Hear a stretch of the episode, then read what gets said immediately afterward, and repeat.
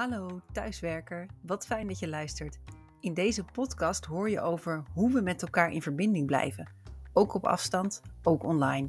Want hoe kunnen teams en organisaties werken aan werkgeluk terwijl we met z'n allen remote en hybride werken? Elke week spreek ik met experts op het gebied van tools, technieken en werkvormen. Mijn naam is Jasmijn Mioch en ik ben de gelukkige thuiswerker. Als facilitator van online sessies zie ik in de praktijk dat het kan. Jezelf zijn, bevlogen zijn, een team zijn, ook in online tijden. Welkom bij de gelukkige thuiswerker. We voelen ons allemaal wel eens onzeker, maar moeten we ons daardoor tegen laten houden? Jikki Has denkt van niet. Onzekerheid kan juist zorgen voor verdieping en verbreding, ook op de werkvloer. Als spreker en trainer op het gebied van zakelijk zelfvertrouwen helpt Jikki organisaties om juist dat bespreekbaar te maken. Jikki, van harte welkom. Dankjewel. Ja, jij vertaalt wetenschappelijke inzichten in praktische tools om zelfvertrouwen te vergroten op de werkvloer. Ja, dat klinkt ontzettend gaaf en dat gaan we in deze aflevering ontleden. Want wat zijn wetenschappelijke inzichten? Wat is eigenlijk uh, zelfvertrouwen en hoe kunnen we dat op de werkvloer doen? Dat gaan we vandaag bespreken. Ontzettend fijn dat je hier bent. Maar eerst dat woord zelfvertrouwen. Wat betekent dat eigenlijk voor jou? Oh, voor mij persoonlijk. Um, zelfvertrouwen gaat voor mij uh, persoonlijk over geloof in jezelf. En dat je ook met tegenslag omgaat. En ook dat je dingen niet persoonlijk opvat. Ik denk dat dat ook wel een hele belangrijke is. Want wat je vaak ziet is dat mensen toch hun zelfvertrouwen koppelen aan de dingen die ze doen hoe goed ze ergens in zijn. En als ze ergens heel goed in zijn, dan voelen ze het zelfvertrouwen. Ehm, en ik vind het juist belangrijk dat het wel losgekoppeld wordt van elkaar. Dus dat je niet je resultaten bent, je bent niet je falen, uh, maar je bent ook niet je resultaat. Dus dat, dat, dat dat in de kern dat je gewoon goed genoeg bent. Dus dat wat jij zelf bent, dat is al voldoende. Ja. Dat is zelfvertrouwen voor jou. Ja, dat is ik denk dat het nog steeds best wel abstract is voor mensen. Het is natuurlijk best wel een uh, nou ja, ongrijpbaar begrip, vind ik zelf. En jij zegt, ik ben op een gegeven moment zelf de, de wetenschap ingedoken om even te onderzoeken van, nou ja, wat is dat zelfvertrouwen eigenlijk? En waar kwam je toen achter? Nou, dat we daar heel lang ook uh, naar gezocht hebben van hè, wat is zelfvertrouwen nou precies? Uh, kunnen we het concreet maken of blijft het bij een, gevoel?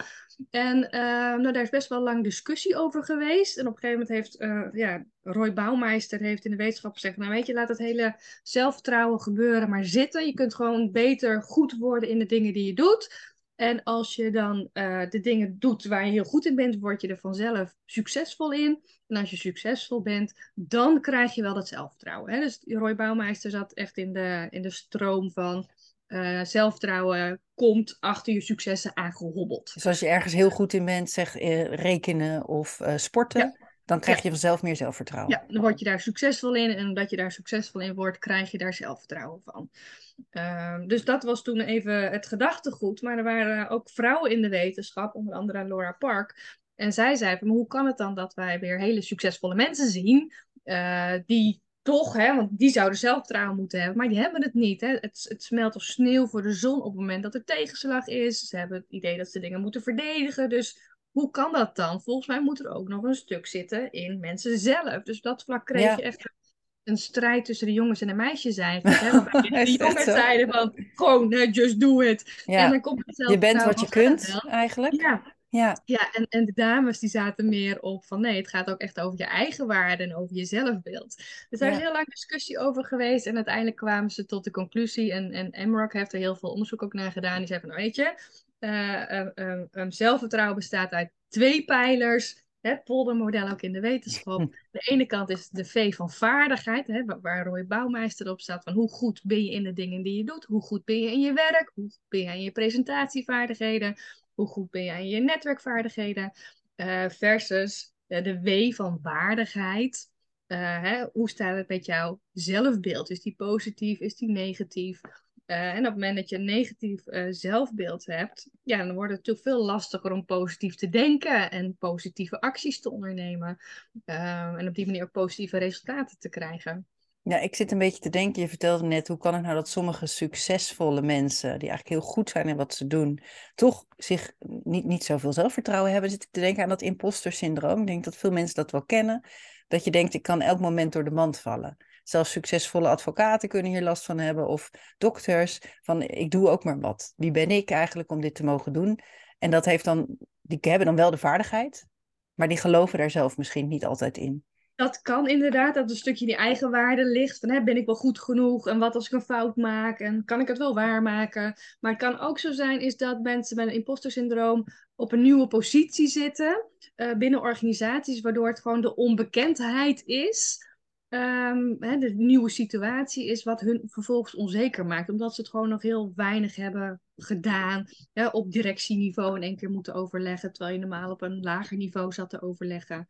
Um, dus, dus dat zou ook nog een reden kunnen zijn voor het imposter syndroom. En dat het dus niet zozeer het waardigheidsstuk is, kan zeker. Maar het kan ook zo zijn van, ja, je zit gewoon op een nieuwe plek, het is allemaal nieuw en dat maakt je wennen. En dat kan natuurlijk ook overgaan. Daar gaan we het zo meteen nog over hebben, hoe je nou kan werken aan zelfvertrouwen op, op in zijn zakelijke context.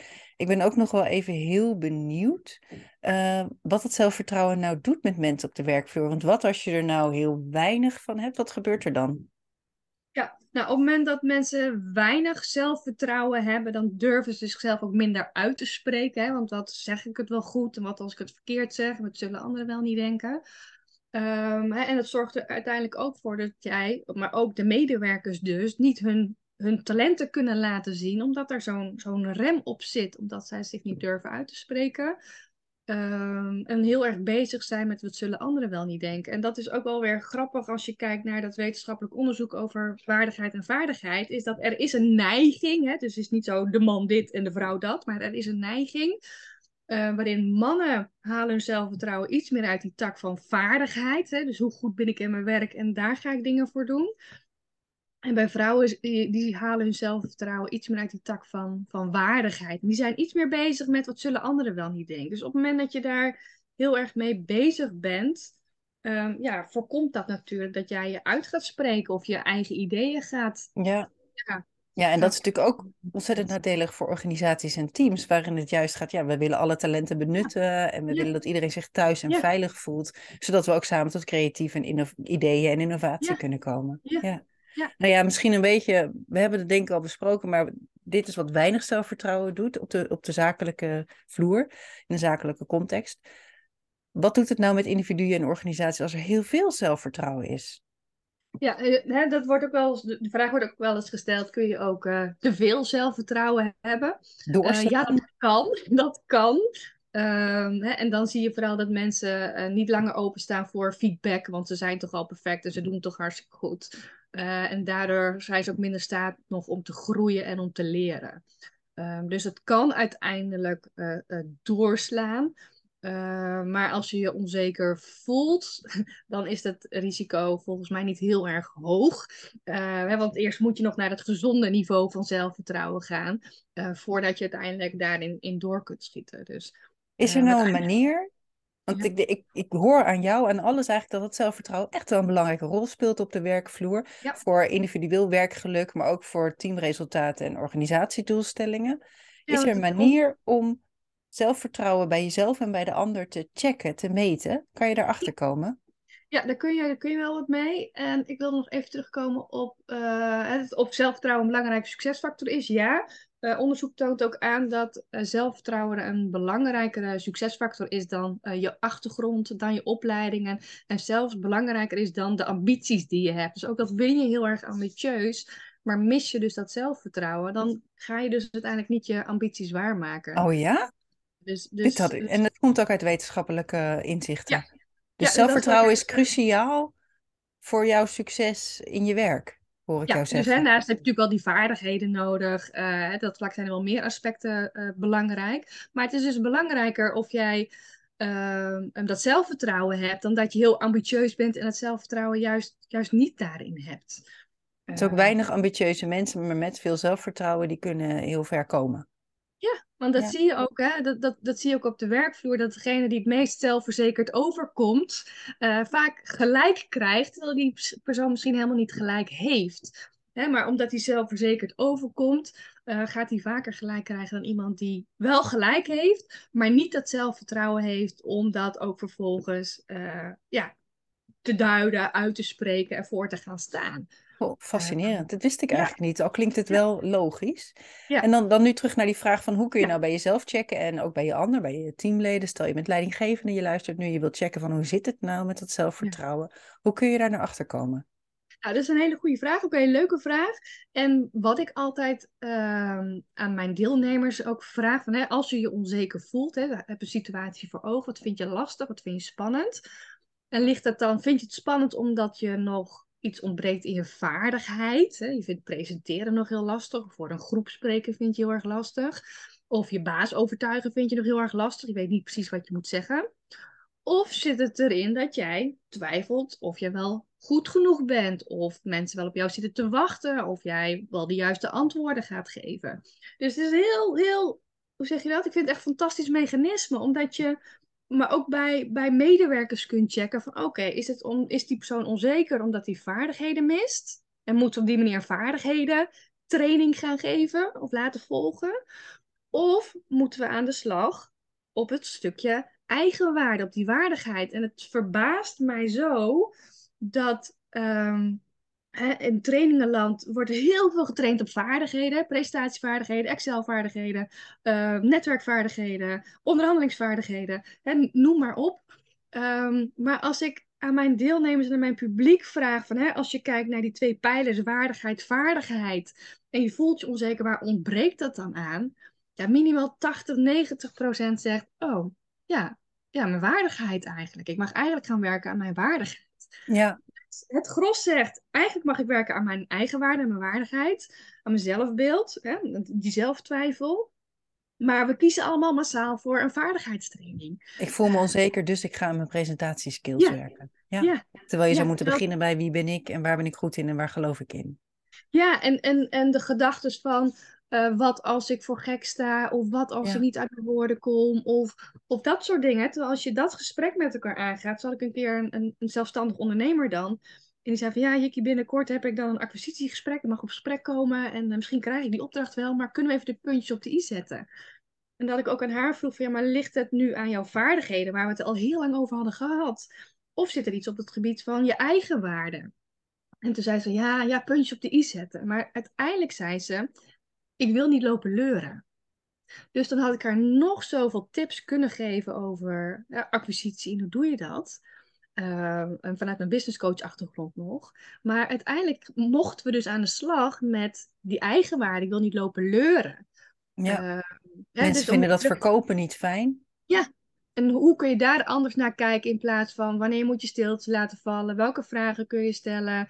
Weet je, dan zit je echt op die vaardigheid. Terwijl het nu ging, ging over ehm, dat zij daar op een gelijkwaardig niveau zit en vanuit haar expertise op een gelijkwaardig niveau dat gesprek aangaat. Ja, en jij Dus- vertelt nu dat jij als business coach met haar aan de slag ging en er eigenlijk gaandeweg het gesprek achterkwam dat het zat op die waardigheid, en niet per se ja. op die vaardigheid. Ja. Hoe kun je nou als teamleider, je hebt een gesprek, eh, een ontwikkelgesprek misschien met een medewerker.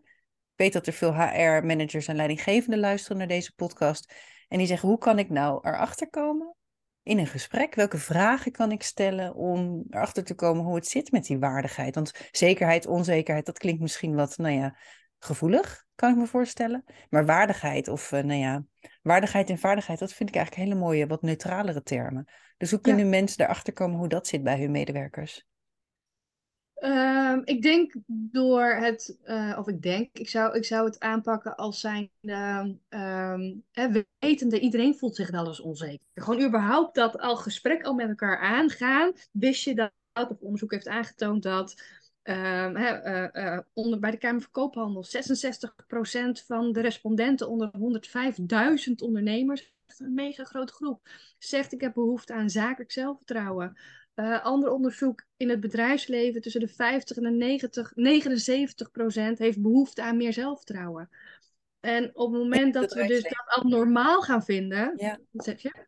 Eh, Dus die cijfers, die laatste cijfers die je noemde, waren voor het bedrijfsleven. Ja, die waren Ja. voor het bedrijfsleven. Dus afhankelijk van de doelgroep en hoe, en, hè, hoe groot die groep is, varieert de cijfers tussen de 50 en de 79 procent, die zich wel eens onzeker voelt en daar last van heeft. Ja, Ehm, hè, dus, dus ik denk dat is door echt het veel. Echt veel, maar Ja. weet je, het is, we, we, we, ehm, soms ben je er zelf niet bewust van dat je je onzeker voelt. Hè? Want toen ik bijvoorbeeld management trainier was bij een van de grootste werkgevers van Nederland toen, ik was vooral lekker hard aan het werk. Ik maakte een uur, ik werkte tot tien uur s avonds en dan s ochtends om half zeven zat ik in de trein. Ik was alweer lekker aan het typen. Ondertussen was ik. Klinkt heerlijk. Klinkt heerlijk. Ondertussen heb ik wel een beige rok aan, beige pumps, wit bloesje, niet te veel opvallen. Ja. En, en, dan, en ik was ambitieus. Ik wilde CEO worden bij dat bedrijf.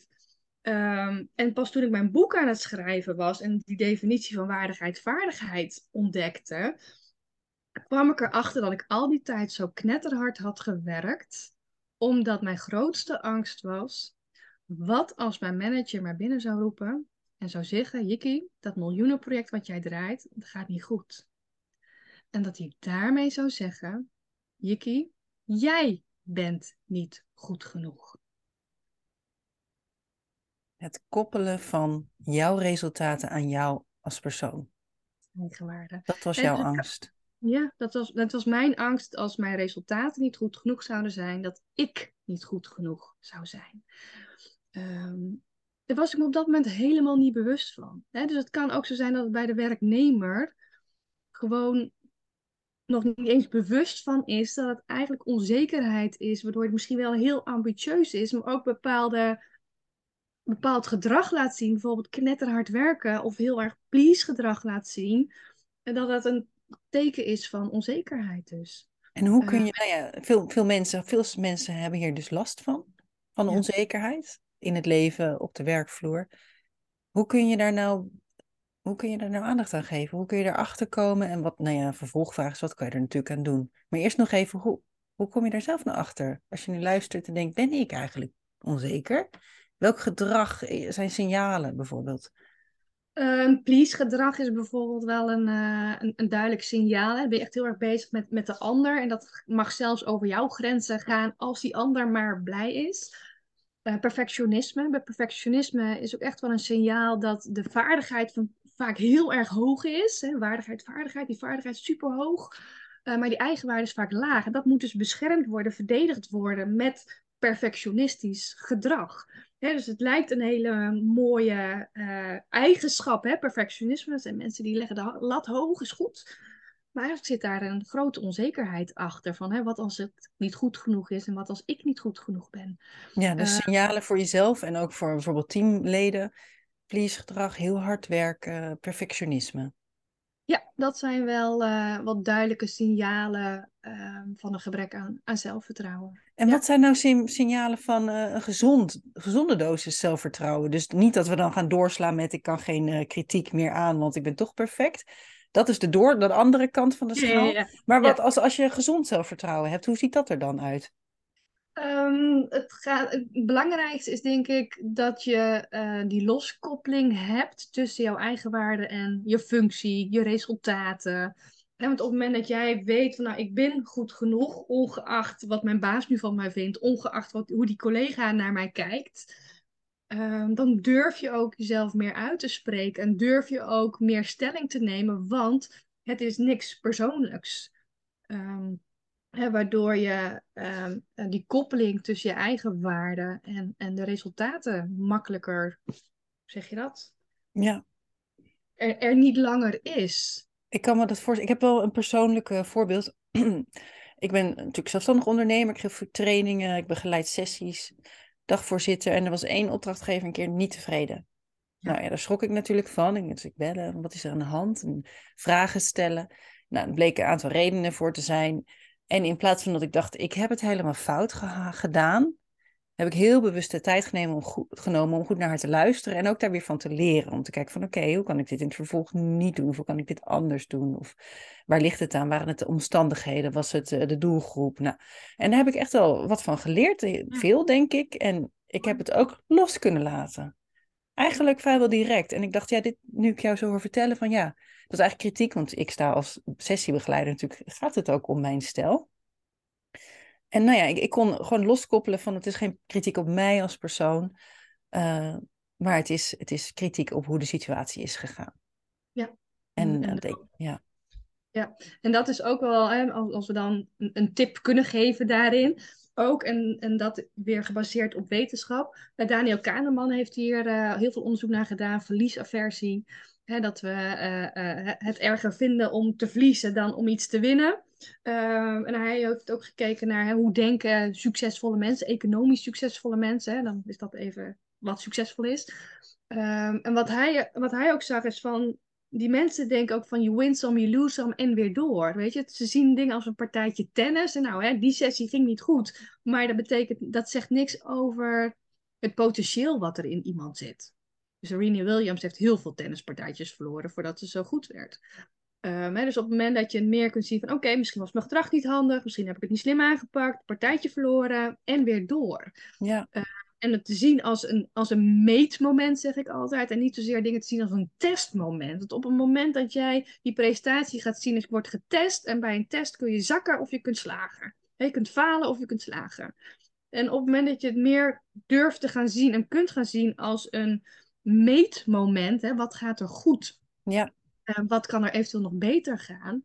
En dan wordt het ook al, kun je wat meer met, van een afstandje ik vind en naar kijken. Ongelooflijk interessant wat je nu vertelt. En dat doet me meteen denken aan ons schoolsysteem.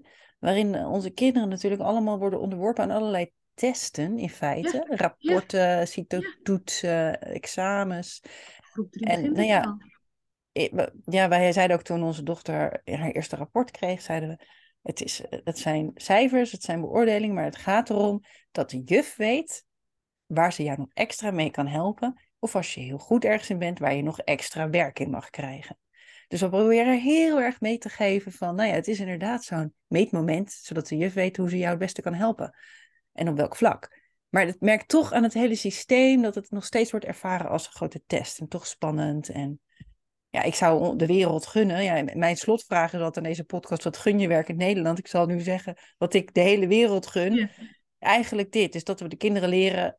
Uh, oefeningen, testen, dat is veel meer om ervan te leren en voor je ontwikkeling dan om te zeggen dit is goed of dit is fout. Ja, ja. En, dat, en, dan, en dan blijf je ook open om te leren in plaats van ik kan dit niet en ik ben niet goed genoeg en ik ben geen, vul maar in. Dit is ook waarom ik zo'n aversie heb tegen resultaten en ontwikkelgesprekken. Helemaal niet tegen ontwikkelgesprekken, uiteraard. Ik kom uit de learning and development hoek. Ja. Maar die resultaten, het lijkt net alsof je dan wordt afgerekend één keer per jaar. Ja. Terwijl Ja. ik denk, ja, dat- je zou een continu gesprek moeten hebben over wat er goed gaat en waar je extra hulp bij nodig hebt en waar je misschien extra uitdaging nodig hebt. Ja, Maar dat- ja, Terzijde. Ik merk dat het me wel aangrijpt en dat het echt een belangrijk onderwerp is. Er zit zoveel meer in dan ik van tevoren had Ja. gedacht, Jikkie. Dus het is ontzettend gaaf om, om dit gesprek met jou nu te hebben. Het brengt mij op het volgende. Het is belangrijk, zelfvertrouwen. Dat blijkt wel uit de cijfers die je noemde. Het is belangrijk voor individuen, het is belangrijk voor organisaties, het is belangrijk voor de wereld eigenlijk. Wat kunnen wij dan doen om eh, ja, op een gezonde manier te werken aan dat zelfvertrouwen zonder dat het doorslaat? Goeie vraag. Eh, wat zijn tips waar je nu wat mee kunt? Ehm sorry dat ik het zo zeg, maar... Ja, nee, heel goed, graag. Ja, ja. Nou, ik denk vooral en wat, je, wat je hierin mag weten is eh, je brein bijvoorbeeld. Hè? Dat je dat alleen al weet. Je brein is er niet om jou gelukkig te maken. Jouw brein is er voor om jou te laten overleven. En om nu plezier te hebben. Ehm, en als we kijken, hè, we zijn een sociaal wezen en onze grootste angst is de angst om afgewezen te worden en de angst om niet goed genoeg te zijn. Dus op het moment dat jij getriggerd wordt in jouw niet goed genoeg zijn, de angst om afgewezen te worden, de angst, niet, hè, de angst om te falen. En Buitengesloten weer te beseft, worden. buitengesloten worden en weer beseft, oh ja, dit is mijn brein die mij wil laten overleven. Ehm, die vooral nu de pijn wil vermijden. Door perfectionisme, door uitstelgedrag, door please-gedrag. ehm, wordt het alweer makkelijker. Dus dat vlak ben ik echt van de bewustwording. Van, oh ja, eh, dit is dus je brein wat jou eh, veilig wil houden. En eh, daarmee, op het moment dat je dat dus al weet, kun je vervolgens ook de keus maken. Wil ik mij hierdoor laten leiden door deze angst? Of kies ik voor impact, kies ik voor groei en ga ik het gesprek wel aan, hoe moeilijk ik het ook vind, of hoe lastig ik het ook vind. Dus Dan over, over bijvoorbeeld een spreekangst heen zetten. is dit een voorbeeld voor? Of... Ja, want op het moment dat je kijkt naar, naar spreekangst, kun je of zeggen, nou ja, ik doe het niet, laat die collega maar doen, want die kan het veel makkelijker en die doet het veel sneller. En uh, ik, uh, ik doe wel de cijfers vooraf. Uh, ik doe dat deel wel. Terwijl op het moment dat je kan denken van, nee ja, ik zie dit als een groeimoment en ik wil hier graag beter in worden. Dus ik ga die presentatie doen. Ik ga ook gewoon zeggen dat ik dit heel spannend vind, maar dat ik dit graag wil leren. En dan, dan, dan ga ik er gewoon voor. Daar, daar noem je iets moois. Je gaat, vertel gewoon dat je het spannend vindt. Ja.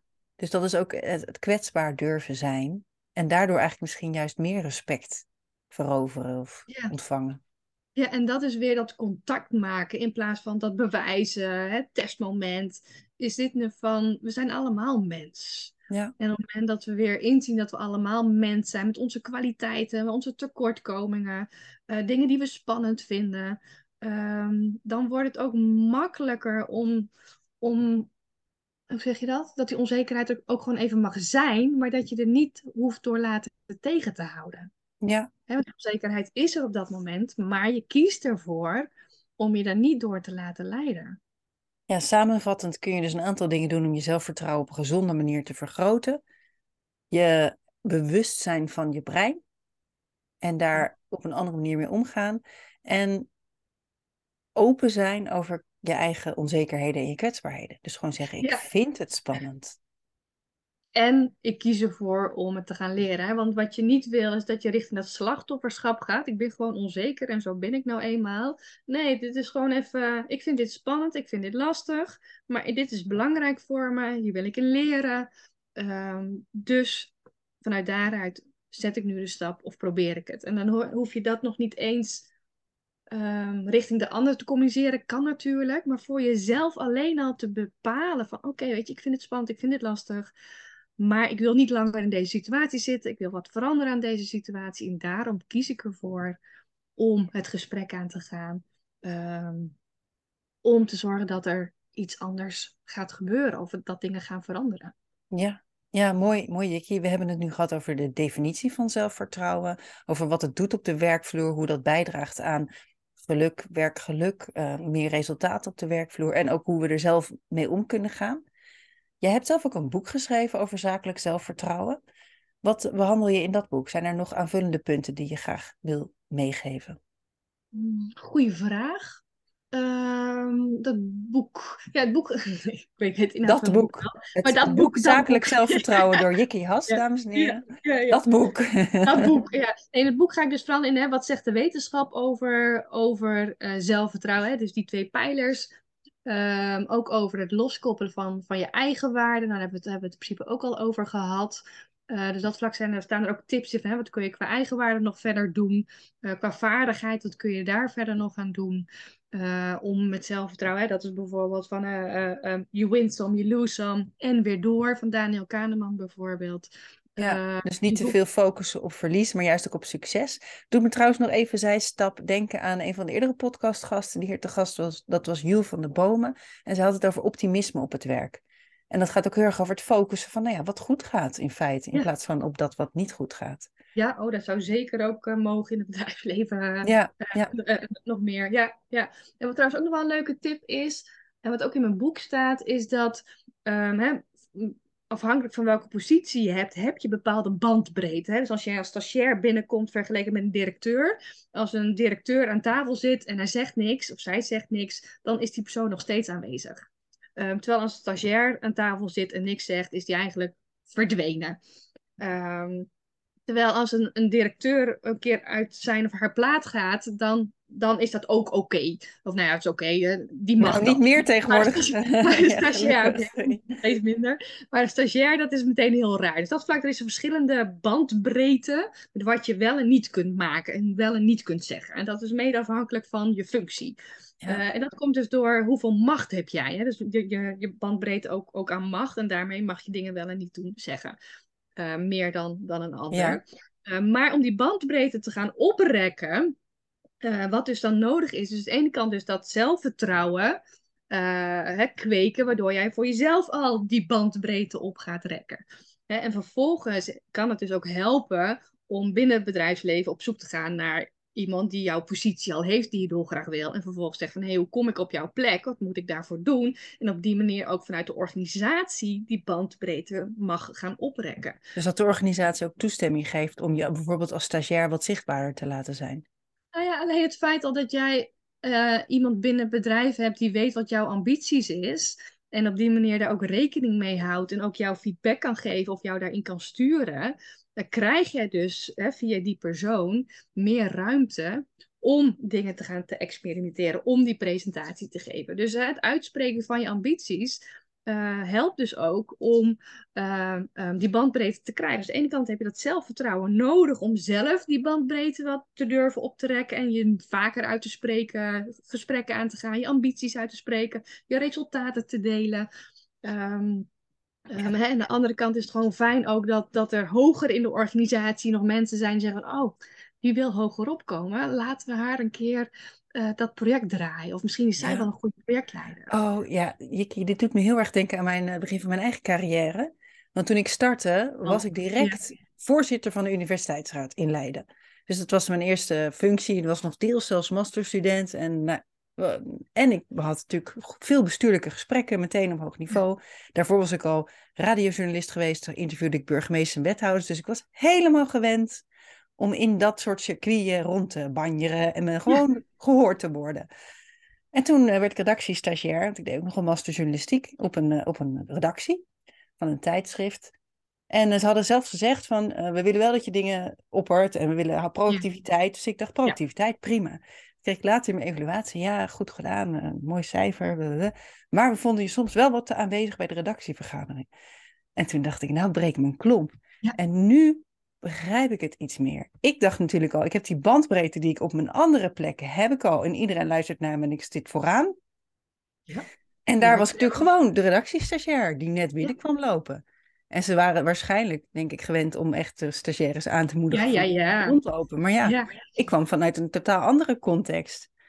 En ik denk, ja, dat, is dan toch soms een mismatch of zo. Ja. En mijn vraag aan jou is nu, had ik dan te veel zelfvertrouwen op die redactie? Of moesten zij eraan wennen? En ik heb, ik heb geen idee. Ik denk dat zij er vooral aan moesten wennen. Want uh, ik hoor niet aan jou op dit moment dat daar een onzekerheid zat waarin jij je ging bewijzen. Hè, dat, dat zie je nog wel eens. Dat zie je meer bij mannen dan bij vrouwen. Dat mannen die gaan vooral in de bewijsdrang. Hè. Kijk eens hoe succesvol ik ben en kijk eens wat ik doe. Uh, uh, maar dat het vooral voor hun wennen is dat het standaard beeld van een, van een stagiair uh, of assistent anders is dan, dan jij als persoon zijnde. Ehm, ja, dan, dan is het voor hun ook schakelen inderdaad. Ik heb er trouwens wel van geleerd. Dus wat ik nu doe in nieuwe situaties, eerst even aftasten, kijken wat de verhoudingen zijn en dan uh, ja. invoegen. Het invoegen en dan toevoegen. Ja. ja, dus invoegen en vanuit daaruit de lijn ja. nemen. Ja. ja, meestal. Ja. klinkt, klinkt, ook weer.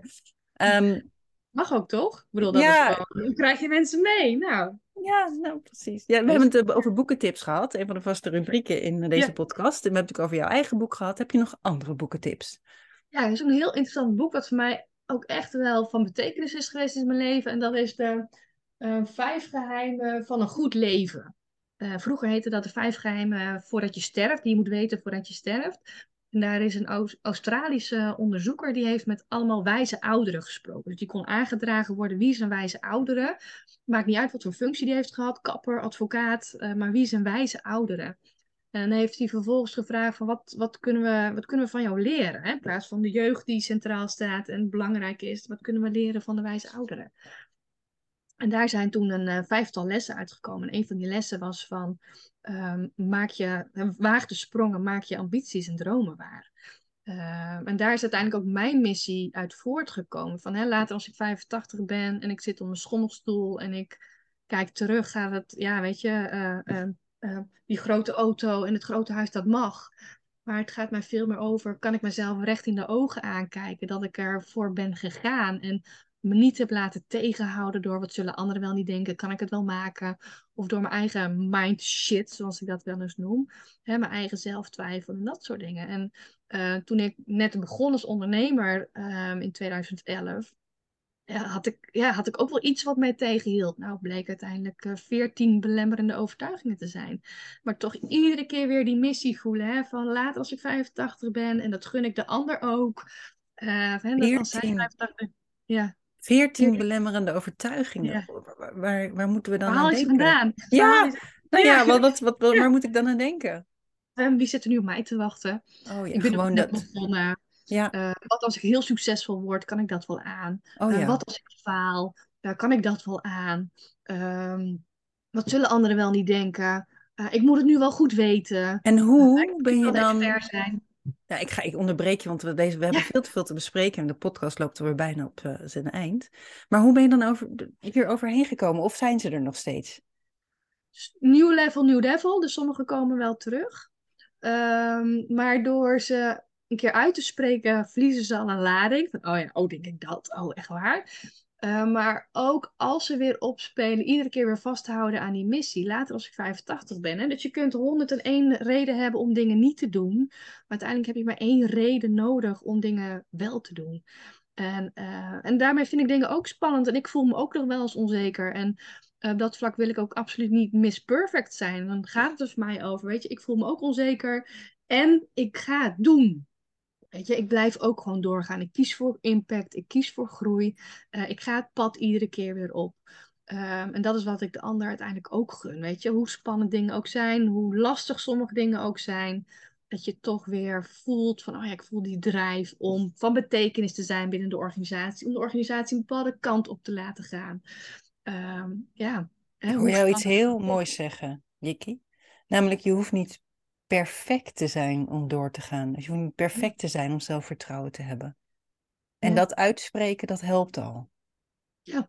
Ja. Ja. voor jezelf alleen al. Van, oh ja, maar wat zijn mijn beren dan? Wat denk ik dan? En die vind je het makkelijkst op het moment dat je eh, in een situatie zit waar je niet tevreden over bent, waar je gefrustreerd bent, waar je tegenslag hebt. En dan te bedenken, welke conclusies trek ik nu? Ik kan dit niet. Ik ben geen goede ondernemer. Ik zal nooit carrière maken. Uh, wat als uh, wat als ik nou ontslagen word en alles kwijtraak? Weet je, dan, dan komen al die, die, die, die, die draken en, en al die gedachten komen dan op. Um, Ja. ja. We hebben, we hebben het eigenlijk al een beetje besproken, maar ik vind het toch altijd een fijne vraag om een podcast mee af te sluiten. Wat gun jij werkend Nederland als je kijkt over vijf of misschien zelfs tien jaar? Waar staan we dan met z'n allen? Um, wat ik gun is dat we elkaar allemaal als een mens zien met onze kwaliteiten, met onze tekortkomingen. We zitten nu echt wel in een tijd van polariteit. Um, en dat we elkaar gewoon weer kunnen zien als mens. Um, en vanuit daaruit ook uh, allemaal onze eigen dromen en ambities gaan waarmaken. En ons op die manier niet laten tegenhouden door anderen. Dus wel samen, hè, dat vlak echt wel die menselijkheid, uh, het contact, hè, shit met elkaar mogen delen. Dat mensen zeggen, het gaat gewoon even niet goed. Oké, okay, vertel.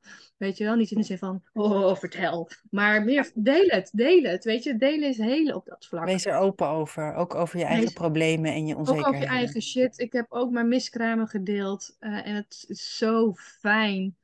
Uh, ik heb er vijf gehad in totaal. Het is zo fijn om van anderen te horen. Ben daar dan dat. Uh, 18 jaar geleden, vijf jaar geleden. Uh, het helpt om te zorgen dat je niet alleen daarin voelt. Hè. Soms kan het heel eenzaam voelen waar je, de situatie waar je op dat moment in zit. En door het te delen geeft je uiteindelijk ook weer kracht om weer, om weer verder te gaan. Dus dat is wat ik mensen gun over vijf tot tien jaar. Weer dat contact, het oprechte contact met elkaar hebben. Uh, en ook hè, jezelf niet langer laten tegenhouden door uh, uh, wat mensen wel niet zullen denken. Of je eigen mindshit of je bewijsdrang of weet ik veel wat. Snap je dat je echt Ja. puur aan de slag mag. In actie komt voor je eigen droom en ambities. Jikki Has, ik wil jou heel erg danken voor jouw openheid. En het delen van jouw onzekerheden en ook hoe je daarmee om kunt gaan. En ik hoop dat we allemaal onze dromen met elkaar in verbinding kunnen waarmaken. Dankjewel. Dankjewel voor het luisteren naar De Gelukkige Thuiswerker. Heb jij zelf tools en tips die iedereen moet kennen? Laat het me weten. Of heb je een prachtig praktijkvoorbeeld? Bel me dan gerust. Vond je deze podcast de moeite van het luisteren waard? Laat dan een review achter en deel de podcast in je netwerk of op social media. Veel geluk iedereen!